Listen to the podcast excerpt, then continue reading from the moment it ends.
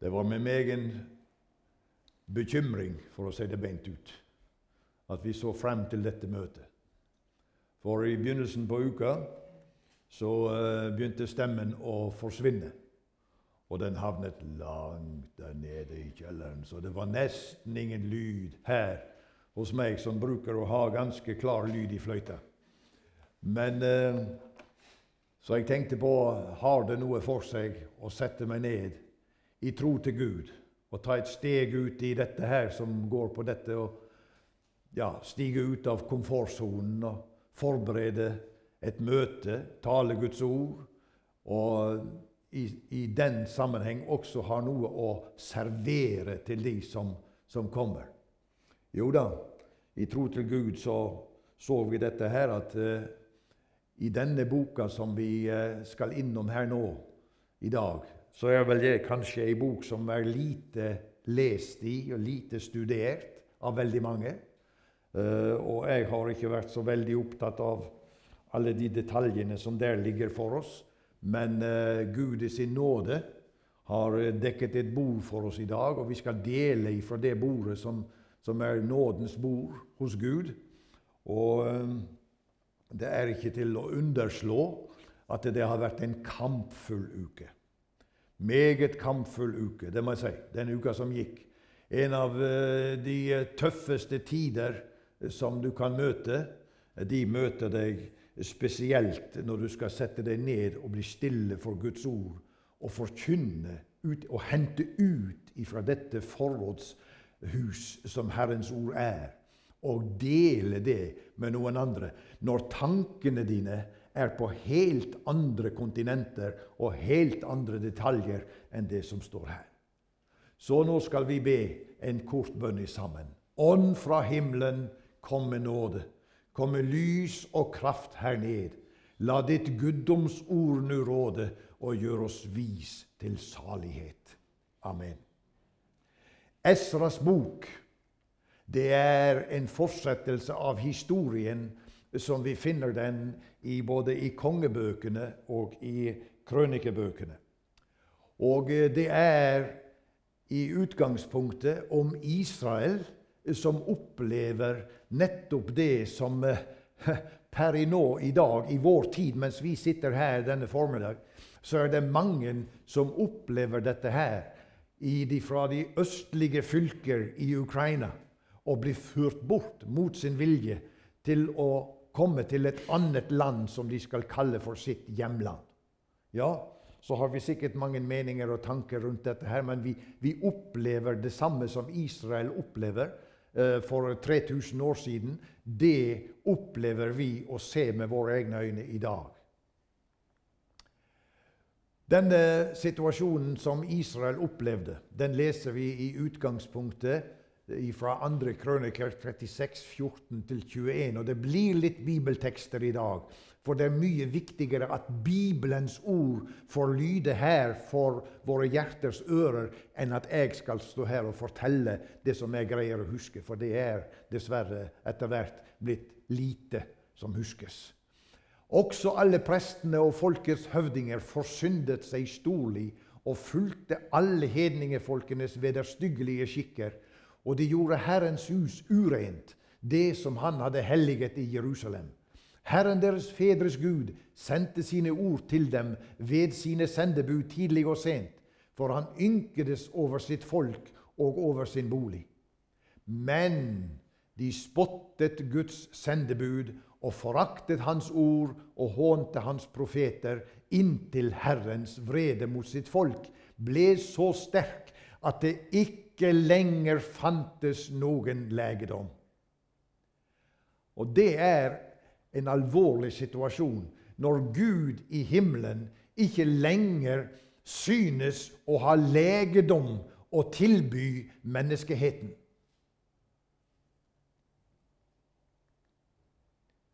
Da kom dette som kom ved kong Nebukaneser i 587 før Kristi fødsel. Da lot han kaldernes konge dra opp mot dem og han drepte deres unge menn med sverdet i deres hellige hus, og sparte verken unggutter eller jomfruer eller gamle og gråhårede. Alle gav han i hans hånd. Alle karene i Guds hus, både store og små, og skattene i Herrens hus og kongens og hans høvdingers skatter. Alt førte han til Babel. De brente opp Guds hus og rev ned Jerusalems mur. Alle dets palasser brente de opp med ild, og alle dets kostbare kar ble ødelagt. Dem som sverdet hadde levnet, førte han som fanger til Babel, og de ble hans og hans sønners træler, til Perserriket fikk makten, for at Herrens ord i Jeremias' munn skulle bli oppfylt. Til landet hadde gjort fyldest for sine sabbatsår, alle de dager det lå øde, hadde det hvile, til 70 år var til ende. Når du leser i kongebøkene og i krønikebøkene om Nebukadneser Han var en kaldeer. Og hva var det som var ordet om kaldeerne? Jeg vet ikke om du har lest noe om det, men det kan du jo studere på egen hånd. Men kaldeerne, det var å betrakte den gang som det grusomste som Gud hadde skapt av menneskeheten på denne jord. De var de mest utspekulerte i dette å torturere andre mennesker som de overfalt med sine store styrker. Og Nebukaneser, han var ingen hvem som helst. Vi kunne snakket litt om Nebukaneser. Gud måtte ta han til sides og føre han ut fra menneskeheten og ut i dyreriket. Det kan ikke vi ta oss tid til å snakke om her nå. Men det står det at denne som en gang, en gang satt på sin høye trone og bestemte over folkenes liv og lagnad. Han måtte ut og ferdes blant dyrene, og gress ble hans mat å spise. Til forskjell fra kongens buffeer. Så Gud tok i affære med Nebukaneser, men det får vi ha til gode til en annen gang å lese. Vi skal fortsette her og snakke litt om at Gud forut for dette hadde snakket til sitt folk og annet leser vi det i 4. Mosebok 28, 1-8, der Gud hadde advart og sagt dersom du nå hører på Herren din Guds røst, så du akter vel på å holde hans, alle hans bud, som jeg gir deg i dag, da skal Herren din Gud heve deg høyt over alle folkene på jorden. Og alle disse velsignelser skal komme over deg og nå deg. Så sant du hører på Herrens din Guds røst. Velsignet være du i byen. Velsignet være du på marken. Velsignet være ditt livs frukt og frukten av din jord og frukten av ditt fe. Det som faller av ditt storfe og det som fødes av ditt småfe. Velsignet være din kurv og ditt deigtrau. Velsignet være du i din inngang, og velsignet være du i din utgang. Herren skal la dine fiender som reiser seg mot deg, ligge under for deg. På én vei skal de dra ut mot deg, og på syv veier skal de flykte for deg. Herren skal byde velsignelsen å være hos deg i dine lader, og følge deg i alt det du tar deg fore. Han skal velsigne deg i det land Herren din Gud gir deg. Dette var løftene som Gud gav til sitt folk. Dersom du vil følge på mine veier, så er det dette som skal bli din erfaring som nasjon. Gud hadde også sagt at om ikke Israel ville høre og Det leser vi i 4. Mosebok 28, fra vers 36 til 38. Vi tar bare med et utsnitt her, fordi at dette er også en tale som går fra vers 36 til og med vers 68. Men den siste delen der kan du ta på egen hånd. Dette er for oss å understreke at Herren hadde sagt at han skal føre deg og din konge som du setter over deg, bort til et folk som verken du eller dine fedre har kjent. Og der skal du dyrke andre guder, stokk og sten. Og du skal bli til en redsel, til et ordspråk, til en spott blant alle de folk Herren fører deg til. Megen sæd skal du føre ut på marken, og lite skal du samle inn, for gresshoppen skal ete den av. Dette var å velge mellom velsignelsene eller forbannelsene. Dette var et valg som folket, som nasjon, måtte ta.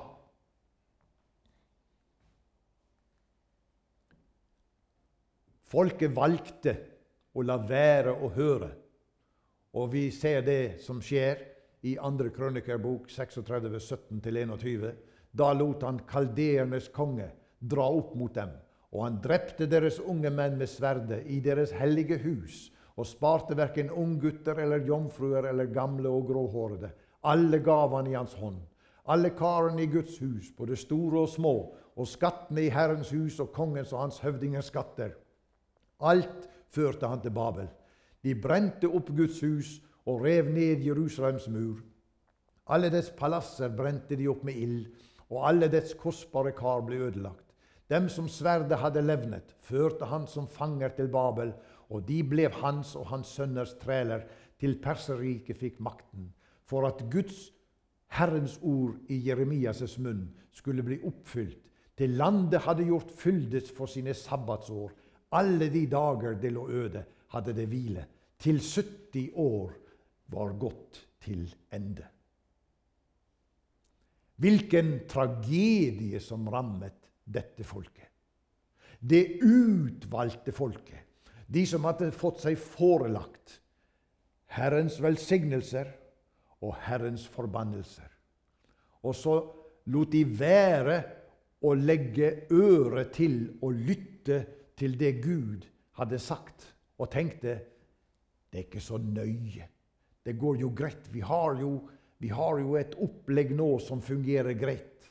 Og dette kunne vi ha trukket veldig langt. Helt ifra år 587 inntil 2023. Og vi kunne snakket om Norges land, som velger som velger i dag hvem vi vil tjene som nasjon.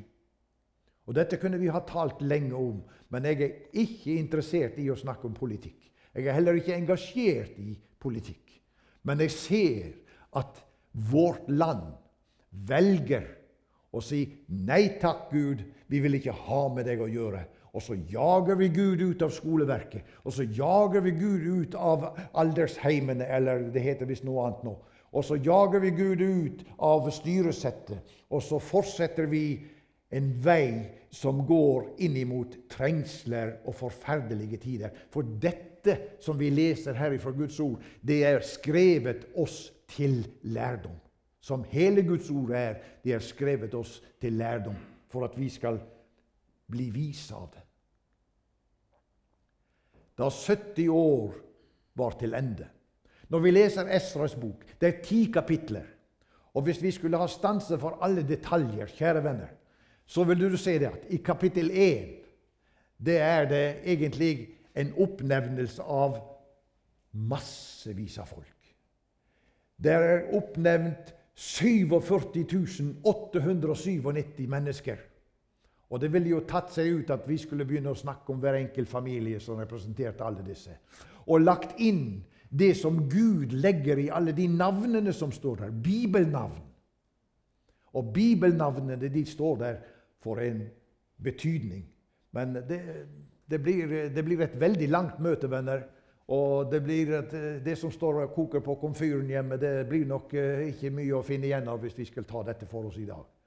Så jeg har i grunnen klippa dette ned til at vi kan få ta igjennom noe av dette her. Og forhåpentligvis, akkurat slik som vi hadde det så flott i går Vi var i 16-årsdagen eh, til, til, en av våre venner. Nå, nå ser jeg hun har gått ut i, i, i, brakka blant unge der. Men iallfall, vi fikk en servering som var aldeles nydelig. Og jeg fikk noe som heter um,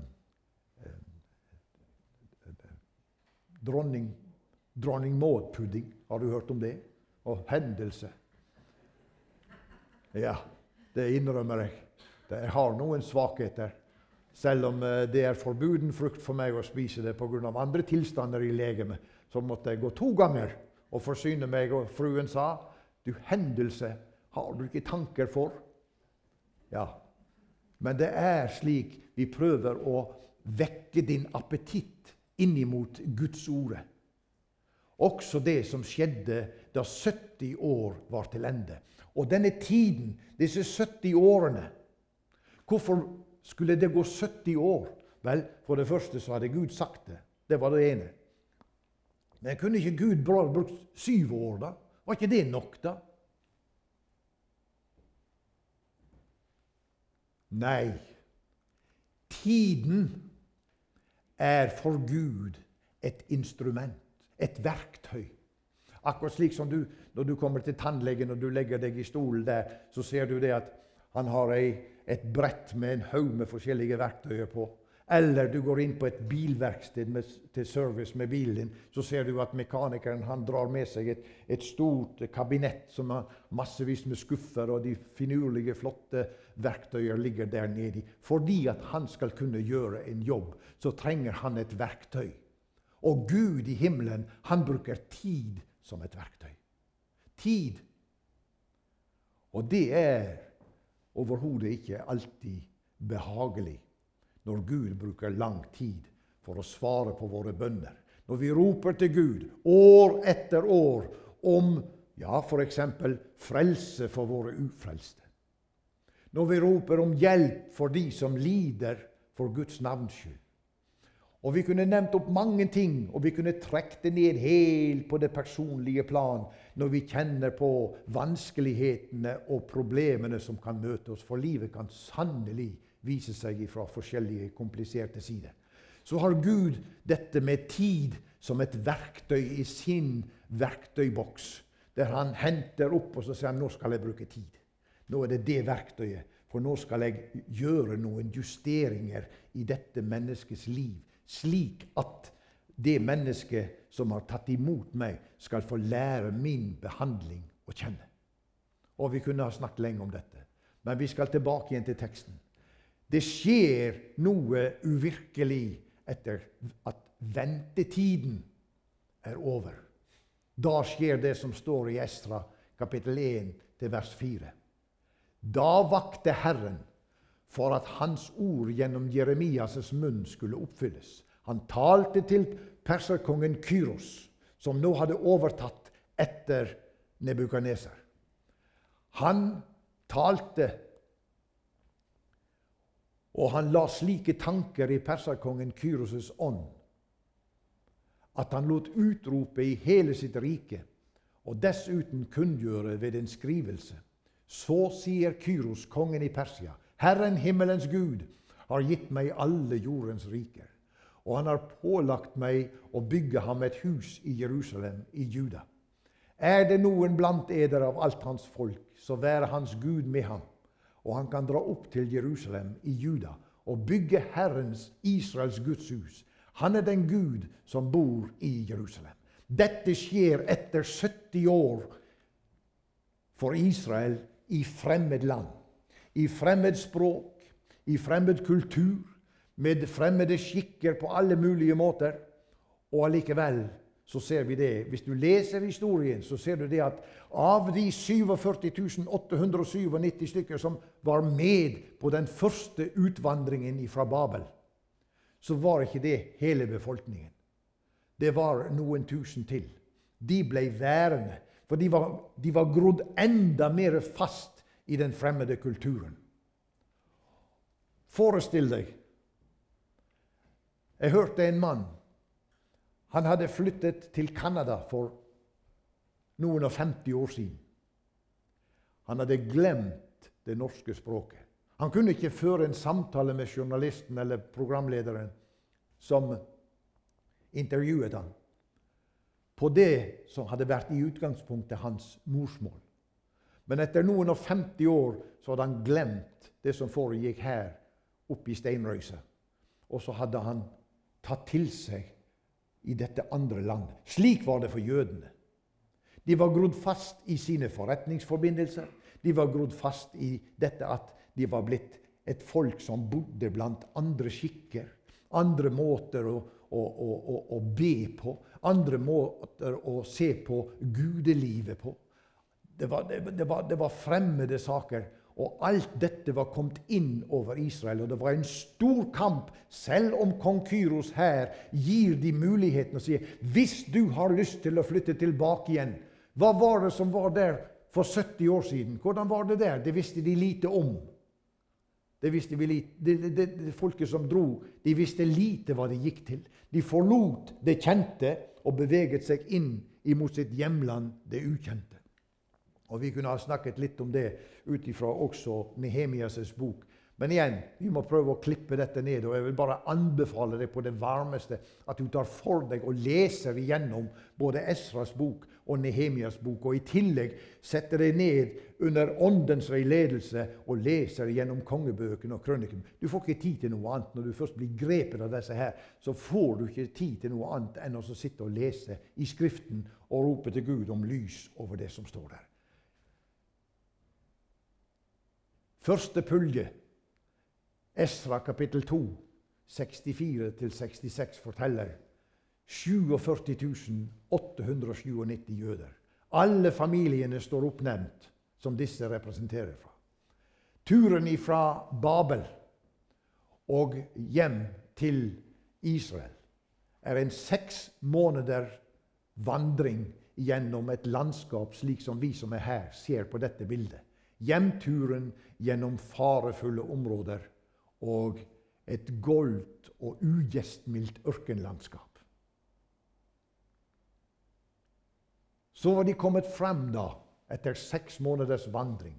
Og så begynte det slik vi leser i Esra kapittel 3. Der begynte de på begynnelsen av gjenoppbygningen. For hva var det de kom til?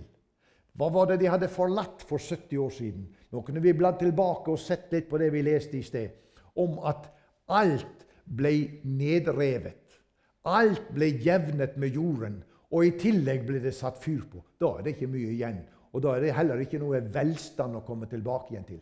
Så de kom ifra å være i fangenskap til å komme tilbake igjen til et land som lå i ruiner. Og som var overgrodd med tårn og tistel. Farlige dyr gikk løs. Og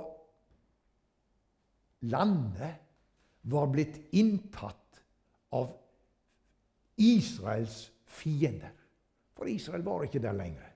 De få som var igjen når Nebukaneser hadde ført dem bort til Babel, det var bare gamle og sjuke og elendige som ikke kunne svinge verken sverd eller lanse. Og Derfor så var de bare forlatt til å forsvinne over tid. Og det gjorde de. Men de begynte som sagt etter hvert på gjenoppbyggingen av det som lå nede. Og så ser vi her at uh, de fikk besøk. De begynte på gjenoppbyggingen. Og det måtte nå ha vært veldig fint å tenke når de leste slik som her. Da nå Judas og Benjamins motstandere hørte at de bortførte bygget et tempel for Herren Israels Gud, kom de til Serubabel, altså til Israels leder, og til familiehodene og sa til dem.: La oss få være med dere og bygge, for vi søker eders Gud liksom i selv. Og til ham har vi ofret helt ifra asyrerkongen Asarhaddons dager, han som førte oss hit. Dette sier hedningefolkene, de som hadde flyttet inn når Israel ble ført bort. La oss få være med og bygge. La oss få være en del, for vi har den samme Gud. Vi søker den samme Gud som dere. Vi skal se litt på det. Og det er viktig også å se litt i boka, i Bibelen, og se om det stemmer, det som disse her folka kommer og sier. Det ble en opphetet diskusjon rundt selve temaet. Og de holdt fast på dette. Vi er akkurat slik som dere. Vi står i den samme tro til den samme Gud. La oss nå være delaktige. Men Gud hadde sagt det til jødene. Til jødene. Og det kan hende at noen som hører dette her, synes at ordet jøde det ringer noe veldig vanskelig i ørene på. Men det får så være. Vi vil holde fram jødene som Guds folk. Vi vil være med å løfte fram jødene som det som Gud på en spesiell måte plukket ut av hele den skapning han gav på denne jord å leve. Sannheten finner du i andre kongebok 1741. Så fryktet da disse hedningefolk Herren, slik som de hadde sagt. Men på samme tid så dyrket de sine utskårne bilder. Og også deres barn og deres barnebarn har helt til denne dag gjort som deres fedre gjorde. Altså, de dyrket Gud. Ja, de var med på det. Men de hadde også sine andre avguder som de parallelt henvendte seg til. Det var ikke nok å henvende seg til Israels Gud. De ville ha alle disse andre med i sammenhengen. Og her kan vi jo begynne å tenke. Vi skulle vi ha bladd vekk uh, si, den fine ytre fasaden, og så skulle vi sagt Har jeg nok med Herren Israels Gud? Eller går jeg til andre sammenhenger og prøver å hente min hjelp, min styrke, min fred? Ja, det er mange spørsmål som dukker opp her, og vi skulle gjerne ha stanset litt mer med det. Det som skjedde her, det var dette her at når djevelen ikke vinner frem med en gang, da bruker han sine som befinner seg blant det vi kaller for myndighetspersonell. Blant myndighetene. Og hva står det i Esra 4,5? Jo, de leide noen folk til å gi råd som var til skade for Israel, og fikk således gjort deres forehavende til intet så lenge perserkongen Kyros levde. Og siden helt til perserkongen Darius tiltrådte regjeringen. Imellom disse to kongene så er det en konge som heter Artaxerxes. Et vanskelig navn. Men det var en konge som hadde noen få år imellom kong Kyros og kong Darius. Og I denne tiden så lå arbeidet, gjenoppbyggelsesarbeidet, det lå nede. Alt som var godt i gang, det ble stoppet. Men, men, og et viktig men er det, Gud fulgte med. Hva gjorde Gud? Han brukte noen av de eldste til å fremlegge saken og bygget på sannheten. Det finner du i Esra 5,17, som lyder Dersom nu kongen så synes, sa jødene til kongen, kong Darius, som nå var kommet. La det bli gransket i kongens skattkammer der i Babel, om det er så at kong Kyros har gitt befaling til å bygge dette hus i Jerusalem, og kongen la oss så få vite hva som er hans vilje i denne sak. De måtte gjenoppta, og de måtte minne den nye kongen på at i dine krøniker, konge, i dine um, arkiver, der ligger det som kong Kyros sa. Og han gikk i gang og fikk se brevet som hans forgjenger kong Kyros hadde skrevet. I Esra 6,3 står det han gjorde følgende. I kong første år gav kong Kyros denne befaling. Hva Guds hus i Jerusalem vedkommer, så skal huset bygges opp igjen, så det blir et sted hvor folk kan bære frem offer. Dets grunnvoller skal legges på ny. Det skal være 60 alen høyt og 60 alen bredt, med tre lag store stener og et lag nytt tømmer. Omkostningene skal utredes av kongens hus. Dette hadde kong Kyros sagt til Esra og til jødefolket når han gikk med den beskjeden til dem at den som har lyst, kan få vende hjem igjen til sitt gamle hjemland. Og her er det at byggingen foregår videre i Esra kapittel 7. Og da er det at Esra, som den han er, profeten Esra, han blir da sammen med den neste batch, eller den neste uh, pulje. Sammen ca. 2000 mennesker. For til sammen så var det ca. 50 000 mennesker som vendte hjem fra Babel og tilbake til Israel, til Jerusalem og områdene rundt. Esra han var en Skriftens leser. Han studerte Skriftene. Hans oppgave var å være en åndelig veileder for folket. Og det står at nøkkelen for Esra det var, sammen med folket på vandring mot det lovede land, å gjøre som det står i Esra 8,21. Så lot jeg der, ved Ahava-elven, utrope en faste for at vi skulle ydmyke oss for Guds åsyn og bede Han om en lykkelig reise for oss og våre barn og vår eiendom. Nå er vi inne på moment nummer to og det er det første vi snakket om, det var det som Gud har i sin verktøyboks. Verktøyet som heter tid. Her ser vi et annet ord som er viktig å ta inn i sammenhengen. Og det går på å ydmyke seg for Guds åsyn. Når Gud bruker tid, hva kjenner vi da? Jo, da kjenner vi at det banker her i vår tanke og i vårt hjerte noe som kalles for utålmodighet. Utålmodighet. Vanskeligheter med å tolerere at Gud skal bruke så ufattelig lang tid på å ordne opp i ting for oss. Dette å ydmyke seg under Guds åsyn. Og venner, dette skulle vi tatt mer tid på. Men vi ser at Gud hørte når folket ydmyket seg. Da opplever folket det overnaturlige. Ikke fordi at Gud tok vekk alle de store brente steinene og gresset og gjorde rent bord for de så de kunne begynne å bygge. Nei. Det gikk gjennom arbeid, og det gikk gjennom svette, og det gikk gjennom alt det som vi ellers opplever. Men de levde da ydmyket under Guds hånd i den tiden som fulgte. Vi kan lese litt om dette i kapittel 9. At selv om Israel var kommet tilbake, så er det en ting som skjer. Og dette må vi ha med oss.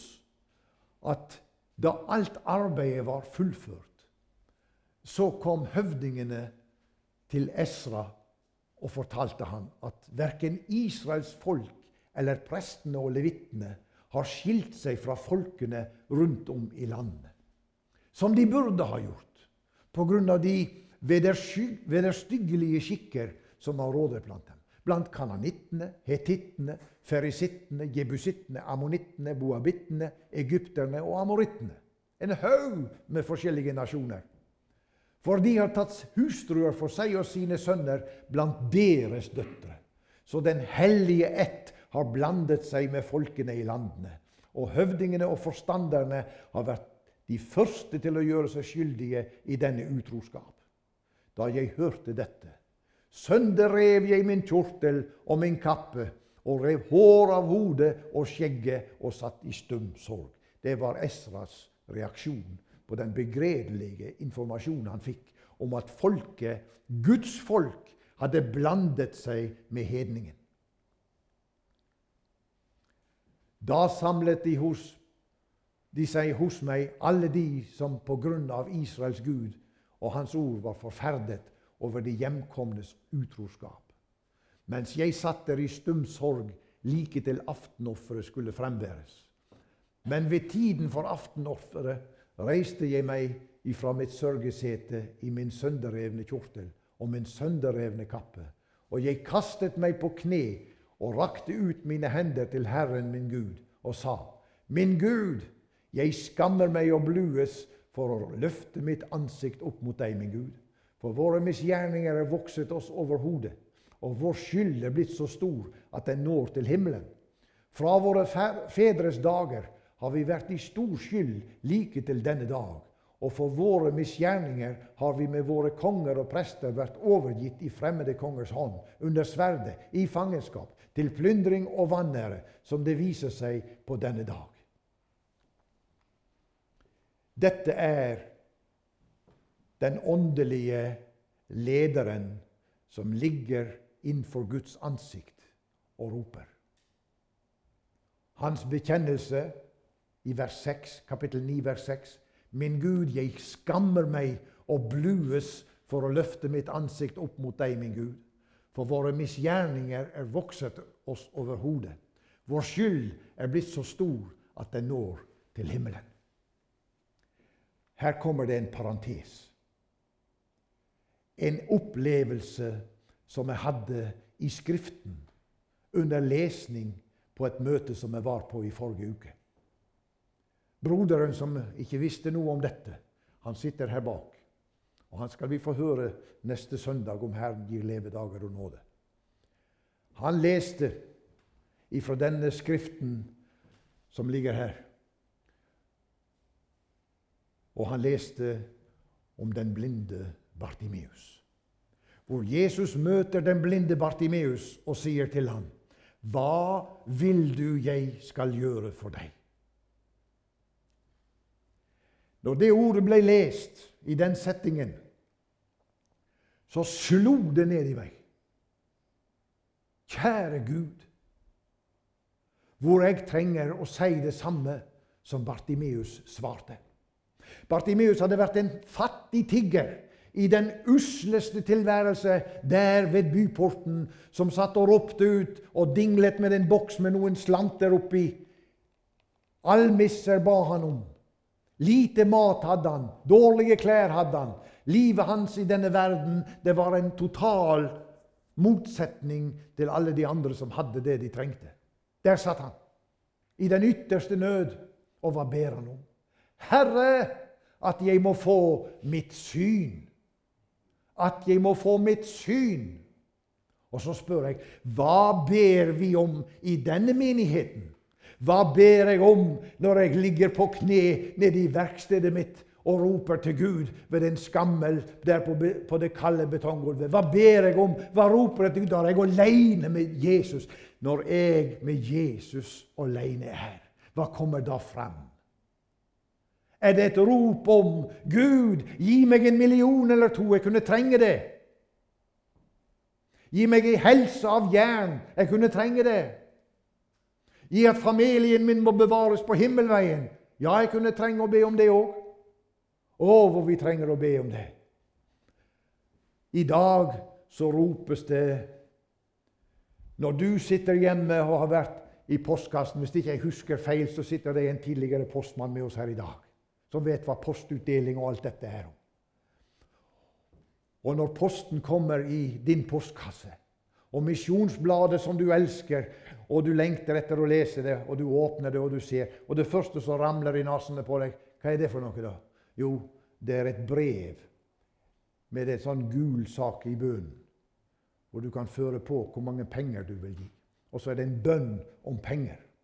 Det er en bønn om at vi må få inn noe mer penger, folkens, for vi går med underskudd. Vi greier ikke å holde hjulene i gang. Eh, nå har vi heller ikke lenger folk til å sende ut, for uh, vi har store vedlikeholdsgifter på alt det som vi har anskaffet oss under tiden. Og jeg tenkte, gode Gud i himmelen, du må forkynne dette til folket. Og så må vi være med de sammen i en ånd og be om at Gud hjelper oss å be at vi må få syne. Det synet som Jesus ville gi oss på disse tingene. For du skjønner det, og jeg er såpass gammel og jeg kan innrømme å si det, at når krigen var ferdig der hvor jeg var født, i 45 Nå opplevde ikke jeg de datoene. Jeg var ikke påtenkt da, men Gud ga meg et, et tilvære sju år seinere for å komme inn i etterkrigstidens fattigdom. Og hva var det som var med disse stedene her da, som ikke hadde annet enn et lite fiske, fiskesnøre å leve av? Det var ikke så mye gress på bakken at det var nok til en eneste sau. Så hva var det folket ropte om? Var det at de måtte få velstand? Nei, Folket falt på kne i det gamle bedehuset og ropte til Gud om frelse for sin sjel. For at de hadde sett det, hvor fort hvor fort det skjedde ifra å være et, et liv med fred og ro og alt de trengte til, og til å bli bombet sønder og sammen. Og det var ikke et eneste hus som sto igjen i bygda rett sør forbi oss. Du kan bare lese krigshistorien om Telavåg.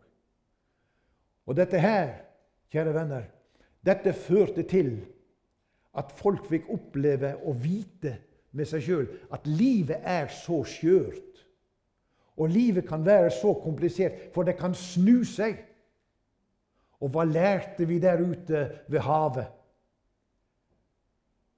Vi kan ikke løfte vårt blikk mot deg, Gud, for våre misgjerninger er vokst oss over hodet. Og vår skyld er blitt så stor at den når til himmelen. Så tuktet Gud oss gjennom krigen og dens redsler til å rope til Han om Gi meg synet på de virkelige sannheter. Og det er det vi trenger. For hvis vi ber om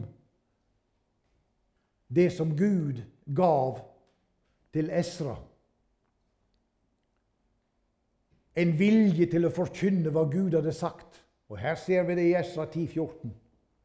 La derfor våre høvdinger stå frem for hele folket, og la alle dem i våre byer som har tatt fremmede kvinner til hustruer, møte til fastsatte tider sammen med de eldste og dommerne i hver by, til vi får vendt Guds vrede bort fra oss, og denne sak er avgjort.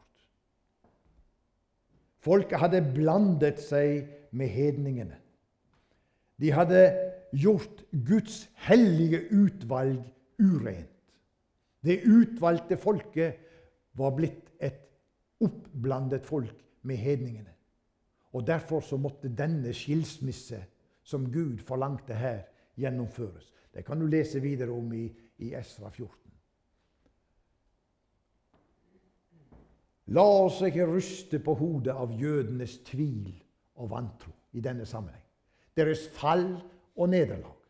Deres ulydighet og uforstand og avvik ifra Guds vilje. For det var det som var skjedd. Det var det som var skjedd. Nå sier du kanskje Er det fremdeles slik i dag? Ja, men iallfall ikke her. Er det vel? Det er vel ikke slik her i vår midte, i denne menighet og i andre menigheter der ute, at vi blander oss med det som ikke Gud har velbehag i. Og da snakker vi ikke om nasjoner. Og vi er et hedningefolk. Vi er et hedningefolk som er innpodet ved Guds nåde i stammen. Og løftene tilhører oss som det tilhører det jødiske folket. Guds løfter. Det, det har ingenting med nasjonalitet å gjøre. Det har med hva blander jeg mitt troes liv med? Er det den sanne, den sunne lære om at Gud i himmelen har tilveiebrakt et tomt kors? Et tomt kors fordi at det som ble gjort der Det står om det at da Jesus hadde gjort det som han skulle der, da står det i Hebreabrevet Han gikk og satte seg ved Faderen. Han var ferdig med jobben. Han gikk og satte seg. Og det var den redningen som han tilveiebrakte. La oss lese litt fra romerbrevet om oss. Kapittel 3, vers 9-10. Hva da? Har vi noen fordel, vi, da? Nei, aldeles ikke. Vi har jo før anklaget både jøder og grekere for at de alle sammen er under synd, som skrevet er. Det finnes ikke én rettferdig enn ikke én. Det finnes ikke én som er forstandig. Det finnes ikke én som søker Gud. Alle er avveket. Alle til hope er de blitt udugelige. Det finnes ikke noen som gjør godt. Det finnes ikke en eneste. Deres strupe er en åpnet grav. Med sine tunger gjorde de svik. Ormegift er under deres leber. Deres munn er full av forbannelse og bitterhet. Deres føtter er snare til å utøse blod. Ødeleggelse og uselhet er det på deres veier, og freds vei kjenner de ikke. Det er ikke gudsfrykt for deres øyne. Dette, venner, dette, venner, det er en beskrivelse av vårt folk. Det er en beskrivelse av vårt folk. Vi er alle avveket som nasjon, og som enkeltmennesker, de aller fleste av Norges befolkning, lever uten Gud og uten håp for evigheten.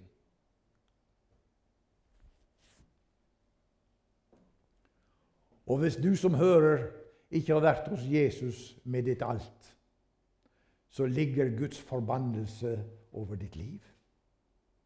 Hvis ikke du har sagt det til Jesus 'Jesus, jeg har ingenting å komme med.' Jeg har ingenting å vise til. Jeg trenger din nåde lagt innover mitt liv, Jesus. Hvis ikke du har vært der, så er dagen i dag tidspunktet for å ordne med det. Det beskrives om Jesus at Gud hadde en løsning, og han har en løsning. Johannes 1,12. Han kom til sitt eget, og hans egne tok ikke imot ham. Det hørte vi når Jeremias var ute og forkynte. Når de andre profetene kom med Guds bud, så tok de livet av dem og sendte dem langt ut i villmarken. Men til oss lyder det alle dem som tok imot ham, dem gav han rett til å bli Guds barn dem som tror på hans navn. Og det er dette som er redningen. Men den redningen går igjennom at hjertets kne bøyer seg for den levende Gud. Og det ropes som Esra gjorde, som profetene gjorde, og som apostlene gjorde. Jesus, kom oss i møte med din store nåde. Og la det igjen bli et faktum, Jesus, at du fornyer meg i min ånd, så at jeg igjen kan høre og kjenne deg og dine veier Sannelig. Det står videre. For dersom vi vandrer i lyset, liksom Han er i lyset, da har vi samfunn med hverandre, og Jesu, Hans Sønns blod, renser oss fra all synd. Men dersom vi sier at vi ikke har synd, da dårer vi oss selv, og sannheten er ikke i oss. Dersom vi bekjenner våre synder, er Han trofast og rettferdig, så Han forlater oss syndene og renser oss fra all urettferdighet. Dette var et budskap som lød et såkalt omforenet budskap. Sagt med andre ord i den tid når vi har vært nå inne i Esras bok for ca. 3000 år siden, så lød disse ordene gjennom de profetene Gud sendte inn i den samtid. Det var Haggai, det var Jeremias, det var Esaias, det var mange som vi kunne nevnt, som forkynte et nådens budskap om folk vi må ikke lure oss sjøl og tro det at vi har noe å komme med og tilby Herren som skulle gi oss inngangsbilletten til Guds evige himmel. Vi har ingenting. Absolutt ingenting. Men den som kommer med det som ingenting er, får oppleve dette livssalige ordet. Så er det da ingen fordømmelse for dem som er i Kristus Jesus. For livets ånds lov har i Kristus Jesus frigjort meg fra syndens og dødens lov. Det er dette, venner, hvor du kan få bytte vekk din skitne kledning, ditt liv som er gått i knas, ditt liv som er ødelagt, din tro som ikke lenger er verdt noe som helst, og hvor dine såkalte åndelige følelser er på bunnen i ditt liv, så roper Gud ut det samme ordet her fra Romerbrevet 8, kapittel 1 og 2. Det er ingen fordømmelse for den som er i Kristus Jesus. Så er dette redningen for oss også i dag. Vi vet det at mangt og meget kan komme på i livet. Jeg tror ikke noen her er ukjent med det. Og Derfor så er anledningen denne søndag å komme til forbønn og oppleve fornyelsen. Vi hadde lagt oss hjemme en sen kveld. Og så skulle vi be kveldsbønn. Og så ble det så stilt. Og så sier fruen, 'Hva er det du ligger og tenker på?' Da var jeg inne i et syn. Et syn hvor menigheten var samla slik som her nå. Et syn hvor Gud senket skyen, og det la seg som en grå tåke i hodehøyde over menigheten som satt på sine svarte stoler. Akkurat slik som det er her i dag.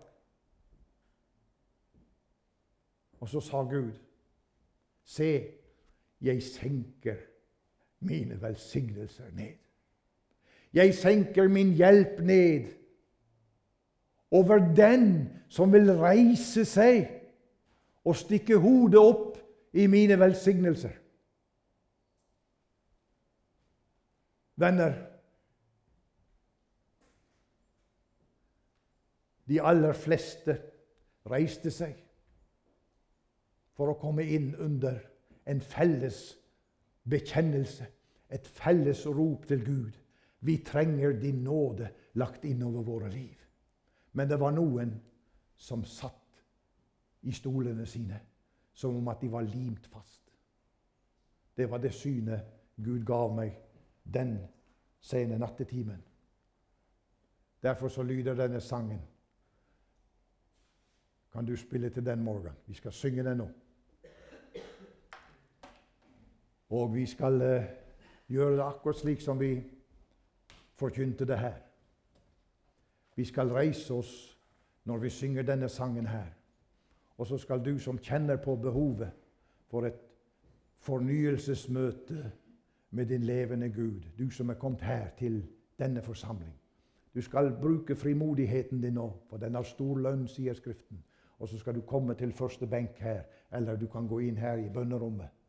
Og så skal vi be sammen, og så skal du få oppleve fornyelsen i Herrens nåde.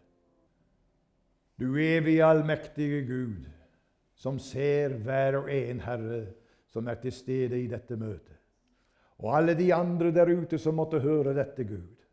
Herre, gi oss vårt syn, så vi ser deg, Jesus, som den du er.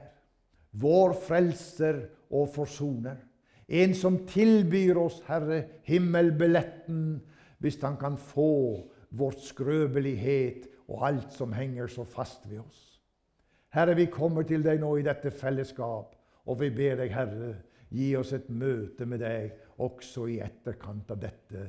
I Jesu velsignede navn vi ber. Amen.